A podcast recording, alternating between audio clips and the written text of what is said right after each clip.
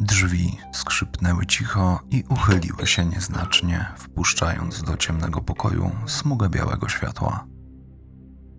Po chwili zasłonił ją nieco wydłużony cień, a w utworzonej szparze pojawiła się rozczochrana czupryna jasnych włosów. Zaraz za nią wyłoniła się głowa chłopca z policzkami czerwonymi od emocji. Wszedł bezszelestnie do pogrążonego w mroku pokoju. Zgasił latarkę i powoli zamknął za sobą drzwi. Ciemność otuliła go ze wszystkich stron, ale już po chwili jego oczy zaczęły dostrzegać zarysy stojących pod ścianami przykrytych białymi tkaninami mebli. W pokoju, który jeszcze przed chwilą wydawał się tonąć w czerni, wyłaniały się z zakamarków kolejne kształty. Przez przesłonięte zasłoną okno przenikało delikatne światło księżyca. Panowała tu niczym niezmącona cisza, tak intensywna, że w uszach chłopca wydawała się dzwonić i buczeć nieprzyjemnie. Przeszedł kilka kroków, starając się nie wydawać żadnego dźwięku, a był w tym całkiem niezły. Miesiące spędzone na ulicach Bostonu nauczyły go, jak zakradać się do ludzi i okradać ich tak, by jeszcze przez długi czas nie zorientowali się, że coś stracili. Rozejrzał się niepewnie, zastanawiając się, czy pokój aby na pewno jest całkowicie pusty. Niczego nie dostrzegł, choć mdłe księżycowe światło sprawiało, że zasłony i białe tkaniny na meblach zdawały się poruszać i falować. Stanowszy pod oknem odsłonił kotary, by wyjrzeć na dziedziniec kompleksu badawczego Instytutu i upewnić się, że nadal jest pusty. Budynek, w którym się znajdował, był wielki i przytłaczający. Przypominał stare europejskie zamczyska gdzieś w górach Rumunii, zatopione w wiecznej mgle i tajemnicze. Znajdujący się wewnątrz dziedziniec, nowoczesny i zautomatyzowany, zupełnie nie pasował do klimatu tego miejsca. Miguel upierał się jednak, że to najlepsze miejsce do badań, a żal byłoby nie wykorzystać już stojących tu zabudowań. Nie miał jednak skrupułów, by zachować atmosferę ubiegłego stulecia. Gdzie tylko mógł, umieszczał zautomatyzowane systemy, takie jak zraszacze, LEDowe oświetlenie, drzwi przesuwne czy ruchome schody. Kontrast tych dwóch światów nieustannie wprawiał chłopca w zdumienie. Zdecydowanie wolał opuszczone, stare i niezmienione pomieszczenia w północnym skrzydle, gdzie nikt się nie zapuszczał. Poprawił delikatnie kotarę, by nikt nie dostrzegł jakiejkolwiek zmiany. Schylił się i wczołgał pod ogromną serwantkę stojącą tuż obok okna. Znalazł się w swoim królestwie, w miejscu, o którego istnieniu nie wiedział nikt poza nim. W ciemnym, osłoniętym z każdej strony kącie zakurzonego pokoju leżał materac ściągnięty ze starego dziecięcego łóżeczka, na nim koce i poduszki. Naprzeciwko chłopiec ustawił niewielką szafeczkę i wypełnił ją książkami. Niekończąca się opowieść, opowieści z Narni, Harry Potter, baśnie braci Grimm, legendy o królu Arturze i wiele innych niezwykłych i magicznych opowieści. Wszystko, co przez ostatnie lata udało mu się wybłagać u pracujących w Instytucie Strażników, kucharzy i sprzątaczy. Na szafce stała lampka, a pod nią leżało małe pudełko po butach, w którym trzymał skarby ze swojego starego życia. Między innymi opakowanie po cukierku z ostatniego Halloween, które spędził z rodzicami. Aż trudno uwierzyć, że było to ledwie trzy lata temu. Miał wrażenie, jakby przeżył już co najmniej tysiąc lat od tamtego czasu. A być może podróże do krain snów tak działają na ludzi? Kto wie, nikt mu tutaj tego nie tłumaczył. Zapalił lampkę i położył sobie pudełko na kolanach. Wyjął z niego pogniecione i brudne zdjęcie zrobione polaroidem, na którym widoczny był on sam sprzed kilku lat, a obok niego mała dziewczynka, jego siostra Felicja, podobna do niego jak dwie krople wody, choć nie byli bliźniętami. Przesunął palcami po jej malutkiej, bladej buzi i sapnął z irytacją. Nie odzyska jej przecież, więc po co mu te głupie sentymenty? Nie był babą, żeby rozpaczać nad czymś, czego nigdy już nie odzyska. Nie wyrzucił jednak jej zdjęcia. Delikatnie odłożył je na szafkę, ocierając jednocześnie mokry policzek, jakby chciał ukryć łzy przed kimś, kto stoi obok. Chociaż przecież nikogo tam nie było. W pudełku były jeszcze okulary jego taty i szminka mamy. Pod nimi coś, co wyglądało jak zwitek tkanin. Brudna kulka zszytych ze sobą szmatek. To był jego miś z dzieciństwa. Wypatroszony przez dzieci z domu opieki, gdzie chłopiec wylądował po tym, jak stracił swoją rodzinę. Miś cudem został ocalony przed spaleniem w piecu. Chłopiec bezwiednie potarł bliznę na prawym kciuku, niechlubną pamiątkę po tamtym wydarzeniu. Schował wszystko z powrotem do pudełka i odłożył je na miejsce. Kiedyś musi skończyć z tym rytuałem. Czuł, że mięknie za każdym razem, kiedy otwiera to pudełko, a nie mógł sobie przecież na to pozwolić. Nie chciał być mięczakiem. Obok pudełka stał duży, starodawny bucik z dwoma kopulastymi dzwonkami na szczycie i cicho szemrzącymi wskazówkami. Znalazł go kiedyś w stercie starych gratów, rzucony w kąt jednego z pokojów. Nie działał, ale dzięki radom starszego stróża nocnego Felix zdołał go naprawić. Nastawił go na trzecią, by obudzić się, zanim ktokolwiek zacznie go szukać. Ułożył się wygodnie w kącie, wtulony między poduszkami, przykrył kocem i zamknął oczy. Wszystkie dźwięki spotęgowały się nagle do niezwykłego wręcz hałasu. Usłyszał szuranie mikroskopijnych stworzeń, żerujących w materacu i szelest opadającego na podłogę kurzu. Skrzypienie desek gdzieś we wnętrzu podłogi, a za ścianą stukot gałęzi drzew. Tumult i hałas zwolna narastały, by po chwili urwać się jak ucięty nożem. Zapadła cisza, jeszcze głębsza niż wtedy, gdy znalazł się w ciemnym pokoju.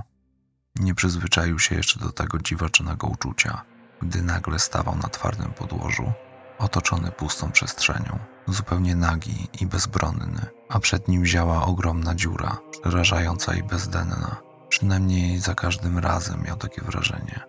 Chociaż doskonale wiedział, że po przejściu 70 schodów dotrze do znajdującej się na dnie sali. Zrobił krok i poczuł chłodny wiatr na skórze. Nie lubił tego miejsca, ale Miguel tłumaczył mu, że musi tędy przejść, by dostać się niżej i że nie może się bać, bo boją się tylko tchórza. Ruszył schodami w dół. W sali na dnie przywitał go jak zawsze jeden ze starców. Tym razem był to wysoki i poważny naszt z długą siwą brodą i przenikliwym spojrzeniem. Cóż to mój mały śniący chłopcze? Przybywasz tu dziś drugi raz? Witaj, czcigodny naszcie. Chłopiec skłonił się nisko i przyjął kawałek tkaniny, który po zarzuceniu na plecy w jednej chwili zmienił się w zwykły strój, luźne portki i lnianą koszulę. Nie mogę zasnąć zwykłym snem.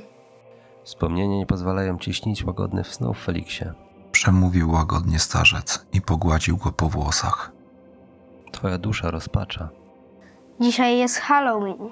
Przerwał mu chłopiec dość niegrzecznie, ale naszt zmarszczył jedynie brwi. Dzieciaki biegają po ulicach i zbierają cukierki. A ty musisz się wyspać. Dokończył mędrzec, a Felix zacisnął pięści i zęby, które aż zgrzytnęły. Nie rozumiem, dlaczego nie mogę iść jak inni do wioski i po prostu przez chwilę dobrze się bawić. Nie jestem śpiący, nie chcę czytać i nie mam ochoty po raz kolejny oglądać durnych filmów, które i tak kłamią. W krainach snów ten dzień również jest wyjątkowy. Odparł w końcu naszt po dłuższej chwili ciszy, jakby od niechcenia. Co masz na myśli, czcigodny? Podchwycił szybko chłopiec, łapiąc go za pomarszczoną dłoń, jakby chciał się upewnić, że starzec mu nagle nie zniknie. Idź do wioski, sam zobaczysz. Uśmiechnął się i pogładził Feliksa po jasnych, prawie białych włosach, a wszystko wokół rozwiało się jak mgła.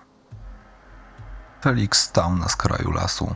Przed sobą miał wioskę, którą zdążył już bardzo dobrze poznać. maleńką plamkę jasności na ciemnym gobelinie porastającej okolice puszczy.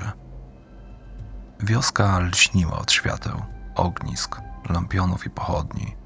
Słyszał śmiechy i śpiew, cichą muzykę prostych instrumentów i nawoływania dzieci, które najwyraźniej jeszcze nie spały. Czekają na ciebie.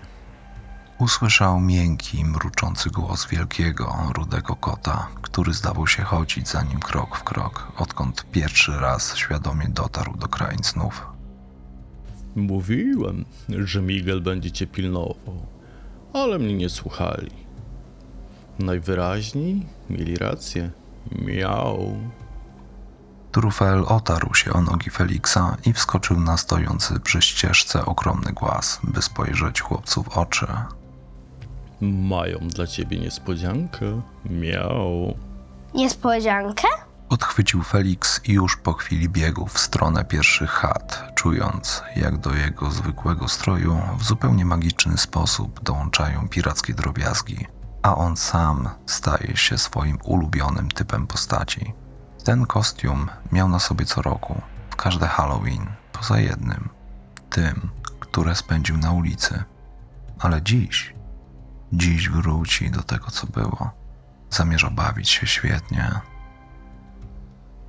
centrum wioski płonęło ognisko.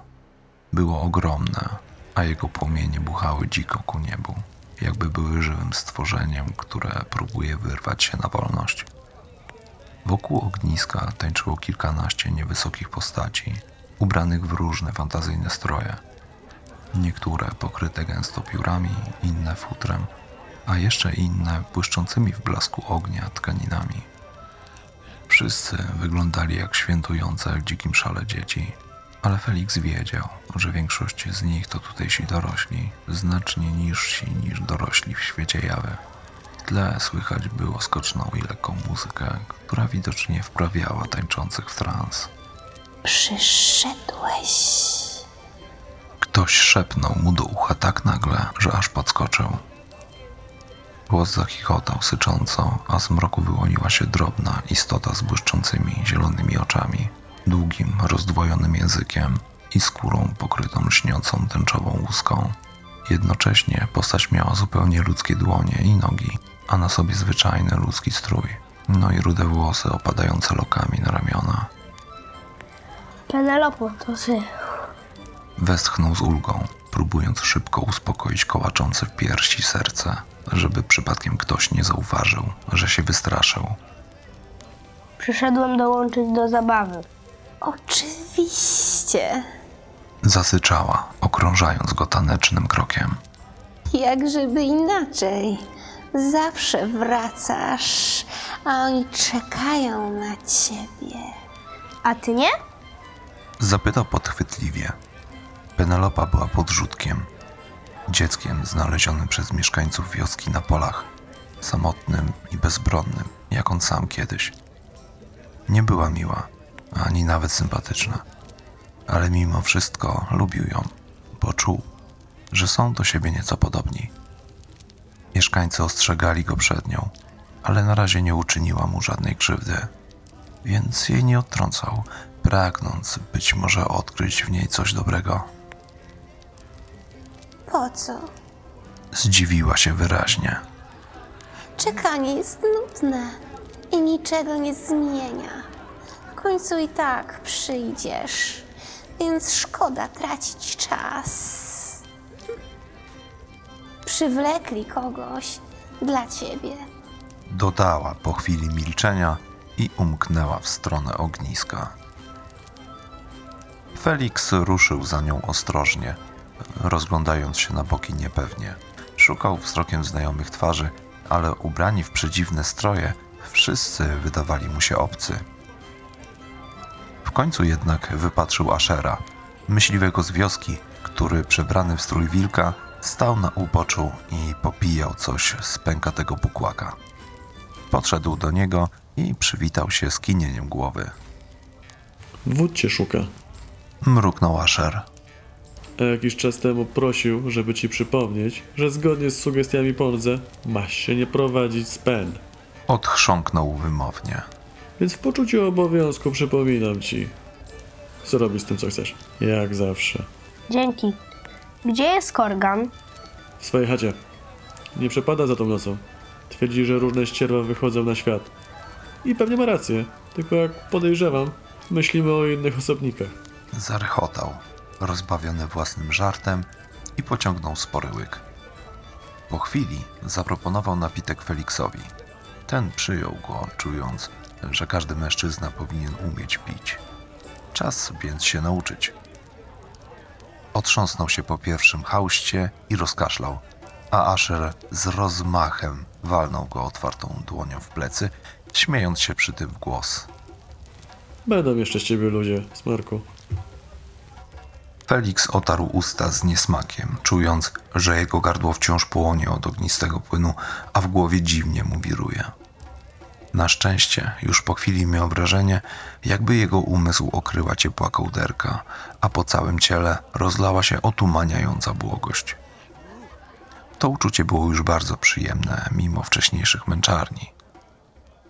Ruszył więc w stronę chaty wodza, najwyższego człowieka w wiosce – barczystego i czarnowłosego, szczycącego się swoją bujną i gęstą, trójkolorową brodą. Zapukał nieśmiało i od progu zamarł w miejscu. Przy stole, poza korganem, siedział jeszcze ktoś. Ktoś, kogo nigdy wcześniej nie widział.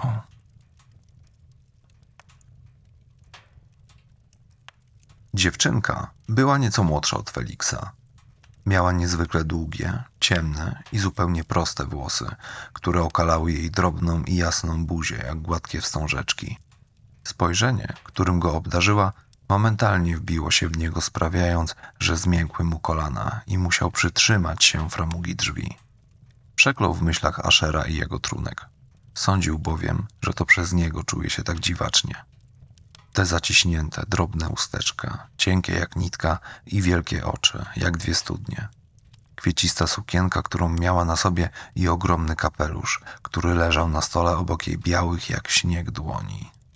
Wszystko to sprawiało, że nie mógł wydobyć z siebie głosu, a inicjatywę przejął Korgan.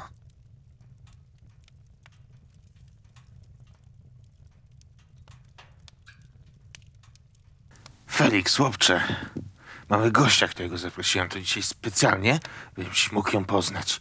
Narzekałeś tyle razy, że nie masz towarzystwa na Ewie, więc znaleźliśmy dla ciebie idealną kandydatkę. Pogadacie sobie i na pewno znajdziecie wspólny język, jestem o tym przekonany. Pańka pojawia się tu czasem z tymi swoimi dziwacznymi snami. Sam zresztą się przekonasz. Korgan zalewał ich potokiem słów, a oni tylko patrzyli na siebie. Ona, nieufna i zamknięta w sobie. On, zupełnie rozbity, jakby spotkał ducha. No, podejdź no tu, nie wstydź się. Nie chcę podać prawdziwego imienia, taka tajemnicza sarenka. My ją tu w wiosce nazywamy Kwiatuszkiem. Pewnie się domyślasz dlaczego. Kwiatuszku to jest nasz stały śniący. Uczy się tu u nas jak śnić, a i parę innych rzeczy przy okazji podchwycił. Feliksie, to jest Kwiatuszek. Kwiatuszku, Felix. Korgan, niezwykle z siebie zadowolony, rozparł się na krześle, a jego wielką i poczciwą twarz ozdobił szeroki i szczery uśmiech. Zastygł w poczuciu spełnionego obowiązku, a Felix odchrząknął tylko niemrawo i wycofał się z progu chaty, chowając się za ścianą. Felix! Zawołał wódz i poderwał się z miejsca. Ale kwiatuszek zatrzymała go, delikatnie kładąc dłoń na jego przedramieniu i wyszła przed chatę. Miło cię poznać. Powiedziała, a jej cichy głos prawie zagłuszyła dobiegająca z oddali dzika muzyka. Wódz nieco przesadził. Byłam tu raptem dwa razy. Chyba nikt tu się nie zapuszcza. A to taka ładna okolica. Patrzyła na Feliksa wyczekująco, ale on nie mógł nawet wydobyć z siebie głosu. Mówili mi, że to dziwne, że jesteś jedynym śniącym, który odwiedza to miejsce. I moja wizyta ich nieco uspokoiła. Rozejrzała się wyczekująco dookoła i założyła na głowę swój zatrważający kapelusz, który niemalże ją zasłonił i sprawił, że zaczęła przypominać nienaturalnie wielkiego grzyba, ładnego grzyba swoją drogą. Felix odetchnął kilka razy, próbując się uspokoić. Rzadko miał okazję widzieć swoich rówieśników, a przez ostatnie lata jedyni, z jakimi miał kontakt, próbowali go okraść, pobić albo w jakiś sposób wykorzystać. Nie spodziewał się spotkać tu kogokolwiek z jawy, a już na pewno nie inne dziecko. Może oprowadzisz mnie po okolicy? Zaproponowała. Są tu jakieś ciekawe miejsca? Nie, Wydusił w końcu. to znaczy możemy iść, ale nie ma tu nic ciekawego. Aha, Zmarszczyła brwi i odwróciła się na pięcie, by ruszyć pomiędzy tańczące sylwetki, które teraz wypełniały już niemalże każdą ścieżkę w wiosce. wódz miał nadzieję, że moja obecność cię ucieszy, ale widzę, że wolałbyś się mnie pozbyć raczej. Tak, to znaczy nie. Przeczesał dłonią włosy i ruszył za nią, próbując lawirować pomiędzy kolorowymi postaciami. Kim ty jesteś w ogóle? Słyszałeś, mówią na mnie kwiatuszek. Jestem taką od sobie dziwaczną dziewczyną z jawy, która błąka się we śnie, gdzie popadnie. Ponoć w ogóle nie powinno mnie tu być. Właśnie, nikt poza mną nie ma tu wstępu. Jak widać, to nieprawda. Odparła z przekąsem i nagle cofnęła się, ponieważ wyrosła przed nią wijąca się i połyskująca postać Penelopy. Wężowa dziewczynka złapała kwiatuszka za przeguby obu dłoni i przyciągnęła do siebie, by syknąć jej prosto w twarz. A ty czego tu szukasz? Pomiocie ludzki? Penelopo! Zawołał przerażony Felix. Ona jest gościem wodza wioski, zostaw ją! Złapał Penelopę przed ramieniem i spróbował ją odciągnąć, ale dziewczynka jakby wrosła w ziemię, a uścisk jej rąk był tak mocny, jakby zamieniały się w kajdany. Nie podobasz mi się. Wysyczała zjadliwie. Penelopo, Twardy i mocny głos Korgana sprawił, że wężowa dziewczynka momentalnie skurczyła się, wyśliznęła z pomiędzy kwiatuszka i Feliksa i stanęła z dala od nich, jakby nigdy nie była blisko. miałaś się trzymać dzisiaj z daleka. Odejdź. Tęczowe łuski błysnęły w żółtym świetle ognia, gdy Penelopa obracała się na pięcie i znikała w tłumie postaci, sycząc coś nieustannie pod nosem. Idźcie pod chatę młynarza. Wędrowna trupa pokazuje tam swoje sztuczki. Może się wam spodoba. Korganowi wyraźnie zależało, by Felix zaopiekował się kwiatuszkiem. Może rzeczywiście martwił się o to, że Felix jest samotny, a może po prostu nie wiedział, co z tą dziewczyną zrobić. Do wioski naprawdę rzadko zaglądali śniący. Od dawna jedynym, który tu przychodził, był Felix.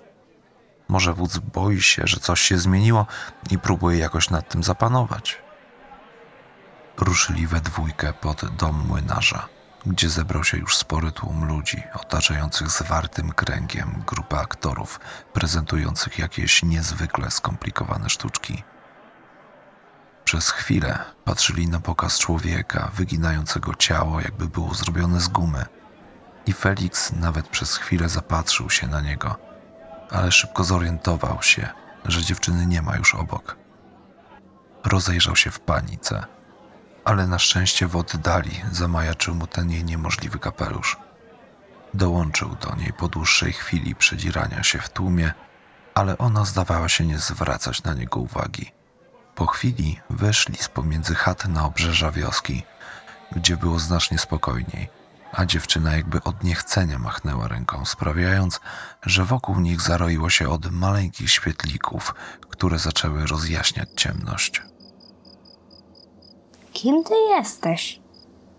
Powtórzył, patrząc w zafascynowaniu na roje drobnych robaczków, które wirowały wokół sukienki dziewczyny, tworząc przedziwne kolorowe wzory. To przecież tylko sen. Roześmiała się. Właśnie możemy robić wszystko, co tylko zechcemy, prawda? Jak tutaj weszłaś? Powtórzył już bardziej zdecydowanie, czując, że dzieje się tu coś, czego nie rozumie ani wódz, ani on sam. Może Miguel Ponce by wiedział, ale jego przecież nie mógł zapytać. Wszedł do krain snów bez jego zezwolenia, bez opieki i bez kontroli. Tak jak ta dziewczyna, mimo ponoć wielu zabezpieczeń. Mogłabym zacząć latać. Rozmarzyła się i nagle zaczęła unosić w powietrzu, a świetliki otworzyły wokół niej barwny korowód światła. Obraz był piękny i niepokojący. Czemu tak na mnie patrzysz? Jesteś tylko snem. Powinieneś podążać za mną. Co w tym trudnego? I Felix uniósł się w powietrzu. Mimowolnie próbował złapać równowagę, ale to, co go unosiło, zdawało się utrzymywać go mimo wszystko tak, jakby nadal stał na ziemi. Poczuł szum powietrza wokół siebie. Kocham te piękne sny, w których mogę robić co chcę. Wyszeptała obok niego dziewczynka z fascynacją, patrząc jak świetliki fruwają pomiędzy jej palcami, jak drobne iskry światła. Przestań! Krzyknął Felix, czując, jak brakuje mu tchu, a jakaś dziwna siła wyciska mu powietrze z płuc. Tu jest cudownie. Popatrz na te chmury.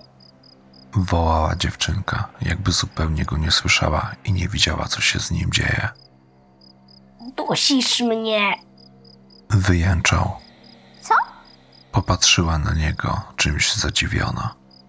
Może jego słabym głosem, albo tym, że nagle zawisł w powietrzu bezwładnie, jak szmaciana lalka. Zbudził się już na ziemi, czując pod sobą twardy kamień. Leżał na brzegu strumienia, którego nie pamiętał. Wokół szumiał las, którego nie rozpoznał, a księżyc, przeświecający przez ich konary, wydawał się ogromny jak nigdy. Gdzie ja jestem? Co ty robisz ze mną? Zerwał się na równe nogi, widząc ją klęczącą tuż obok i nadal otoczoną magicznym rojem kolorowych i świecących owadów. Ich bzyczenie wibrowało w powietrzu. Jesteś inny. Wyszeptała po chwili. Z nimi wszystkimi mogę zrobić co chcę. I oni się temu poddają. Ale ty nie. Nie jesteś z mojego snu. Oczywiście, że nie. Jestem innym śniącym. Nie możesz tak robić z ludźmi. Co ty w ogóle... Zwariowałaś? Tak nie można. Ponownie przyczesał włosy, czując, jak narasta w nim zdenerwowanie. Bał się, że nie uda mu się wrócić do instytutu, że nie obudzi się na czas, a jak nie znajdą go rano w jego łóżku, będzie miał potworne kłopoty.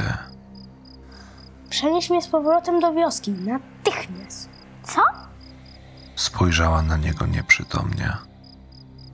Ale ja nie wiem, jak tam wrócić. To wszystko dzieje się samo. Podróżuję we śnie, przez niezwykłe światy, robię co chcę, a potem się budzę. Tak to działa. Nie panuję nad tym, gdzie jestem. Czekaj. Złapał się w panice za głowę. Wyciągnęłaś mnie z wioski i teraz po prostu mi mówisz, że nie umiesz tego cofnąć, to po co w ogóle to zrobiłaś? Nie wiedziałam, że to zrobię. Wzruszyła ramionami. Mówiłam ci, to się dzieje samo. Obudzę się i wszystko zniknie, jak zawsze. Ty też. Nie, nie, ja nie zniknę, tylko utknę tu, przez ciebie. Gdzie my jesteśmy? Nie wiem. To nie jest mój sen, to jakiś koszmar. koszmar. Jego słowa zawibrowały w powietrzu, jakby stały się bardziej rzeczywiste, a słowo koszmar odbiło się kilka razy głośnym, dudniącym echem. A potem przez to echo przebił się gardłowy, głośny i potwornie przerażający skowyt. Kiedy odwrócili się w stronę, z której nadbiegł, ponad drzewami pojawił się kształt. Z daleka przypominał nietoperza, ale był ogromny. Jego skórzaste skrzydła uderzały w powietrze z dziką furią, niosąc go z zawrotną prędkością ku stojącym nad strumieniem ofiarom. Głowę miał wielką i kudłatą, zwieńczoną parą wielkich uszu i zakończoną czymś na kształt włochatego, ostrego dzioba. Jego żółte oczy lśniły w ciemności, odbijając światło ogromnego księżyca. Dzieci stały jak sparaliżowane, patrząc na to ogromne stworzenie i nie mogąc oderwać od niego oczu. Dopiero gdy z ściany lasu dobiegły ich kolejne dwa skrzeki, a nad lasem pojawiły się kolejne nietoperzowate sylwetki, Felix ruszył do brzegu. Chwycił dziewczynkę za ramię i pociągnął ją ze sobą, nie dbając o to, czy zrobi jej tym samym jakąś krzywdę. Kwiatuszek zasyczała przeciągle, kiedy ją szarpnął, ale już po chwili pozwoliła się poprowadzić między drzewa. Nietoperz zapikował, wyciągając przed siebie rozczapieżone szpony. Był przebiegły i celował w miejsce na kilka metrów przed nimi.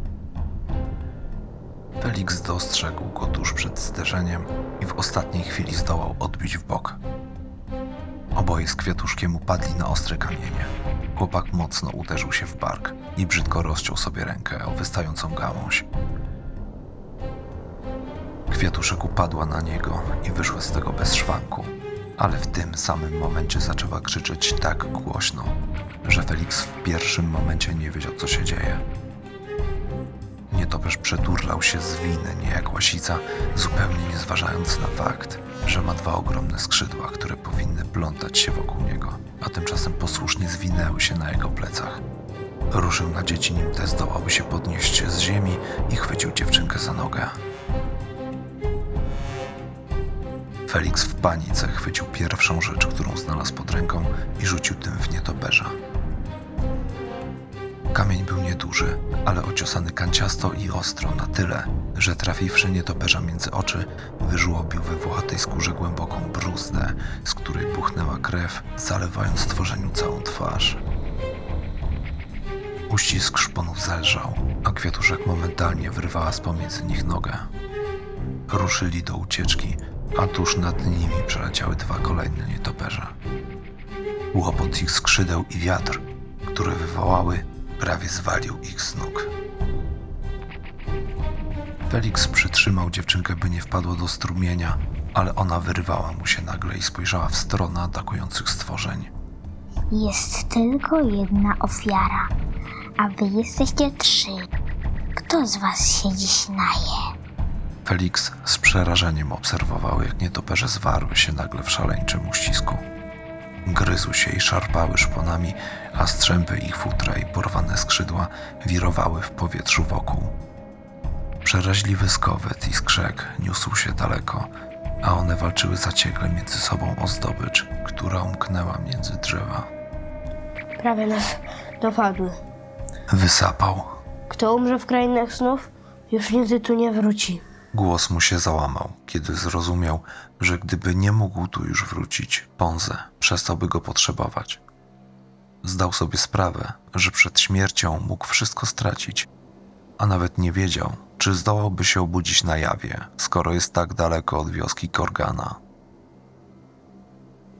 Ocaliłaś nas. Dodał po chwili, tknięty kolejną, nagłą myślą.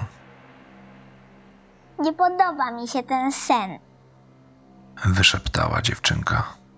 Nie chcę tu już wracać. Nigdy więcej. Jej słowa rozpłynęły się w ciemności wraz z nią, a Felix został na skraju lasu sam. Przerażony, zaskoczony i zdezorientowany. Kwiatuszku? Gdzie ty jesteś? Ej, nie zostawiaj mnie tutaj! Zawył na koniec, a wtedy zobaczył ostatniego nietoperza, który przerwał atak na swoich pobratymców. Pokonał ich, a teraz zamierzał ruszyć po swoją nagrodę. Jego oczy zalśniły w ciemności jak dwie piekielne żarówki, a skołyt wiercił się w uszy. Nietoperz ruszył. Felix zerwał się na równe nogi, rozrzucając wokół siebie poduszki i przewracając stojącą na szafce lampkę. Wokół coś dzwoniło intensywnie, ale on jak w amoku nie potrafił zrozumieć, co słyszy. Wbił się plecami w ścianę swojej skrytki, jęcząc i zasłaniając się rękami, i dopiero po dłuższej chwili dotarło do niego, że jednak wrócił. Że nie zgubił się gdzieś w krainach snów, tylko jest tutaj cały i zdrowy. A paskudne zwierzę, które próbowało go pożreć, zostało gdzieś w niebycie. Otumaniony wyczołgał się spod serwantki i wyłączył dzwoniący budzik. Była trzecia nad ranem.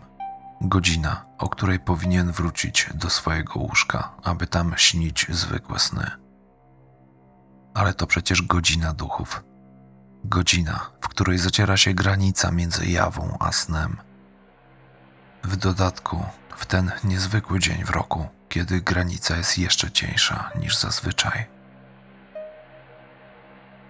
Felix dyszał ciężko, jak po długim biegu z czoła spływał mu pot, a jednocześnie czuł, że skórę ma zimną jak lód. Kiedyś cię znajdę. Usłyszał nagle cichy szept. Odwrócił się gwałtownie, ale nikogo tam nie było. Zabrałeś mi coś i będziesz musiał to oddać. Szept popłynął wokół, a Felix znów odwrócił się gwałtownie, szukając jego źródła. Szyby na oknach pokryły się nagle mroźnymi kwiatami, tak samo jak szkło w drzwiach serwantki. Z żyrandola zwiesiły się krople lodu, a Felix zobaczył swój własny oddech. W pokoju zrobiło się potwornie zimno. Oddasz mi to, co zabrałeś. Powtórzył głos. Nic ci nie zabrałem. Wyszeptał, szczękając zębami. Nawet nie wiem, kim jesteś. Zabrałeś mi moje dziecko.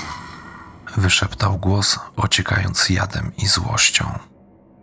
Oddasz mi ją, albo zabiorę coś innego w zamian. Huk tłuczonego szkła i pisk, jaki wydobył się z gardła nieznajomej, był przerażający. Przez ułamek sekundy Felix zobaczył jej twarz. Białą i popękaną jak lód na jeziorze, na który ktoś nieopatrznie stąpnął. Jej oczy lśniły, całe czarne i głębokie jak studnie. Stracił oddech i obudził się w swoim sekretnym schowku o świcie. Budzik leżał na podłodze, niemy, z pękniętym szkłem i wskazówkami, które zatrzymały się na trzeciej w nocy. Za oknem cały instytut szukał Feliksa, którego nie znaleziono rano w pokoju, a on bał się, ale już sam nie pamiętał niczego.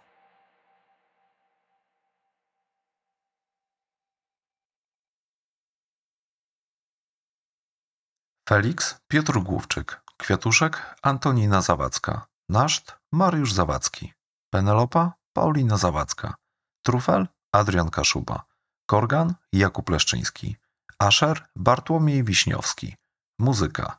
Michał Heronimczak, Montaż Daniel Milewski, Studio Nona, Koordynatorka projektu Ewa Hopke, Narracja Michał Domański. Oczy czarne jak studnie. Pióra Pauliny Zawadzkiej.